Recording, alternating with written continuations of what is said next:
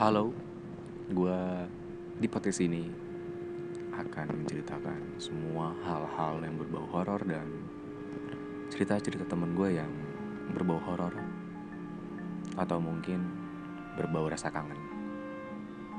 Terima kasih, tapi ingat, Anda tidak mendengarkan sendirian.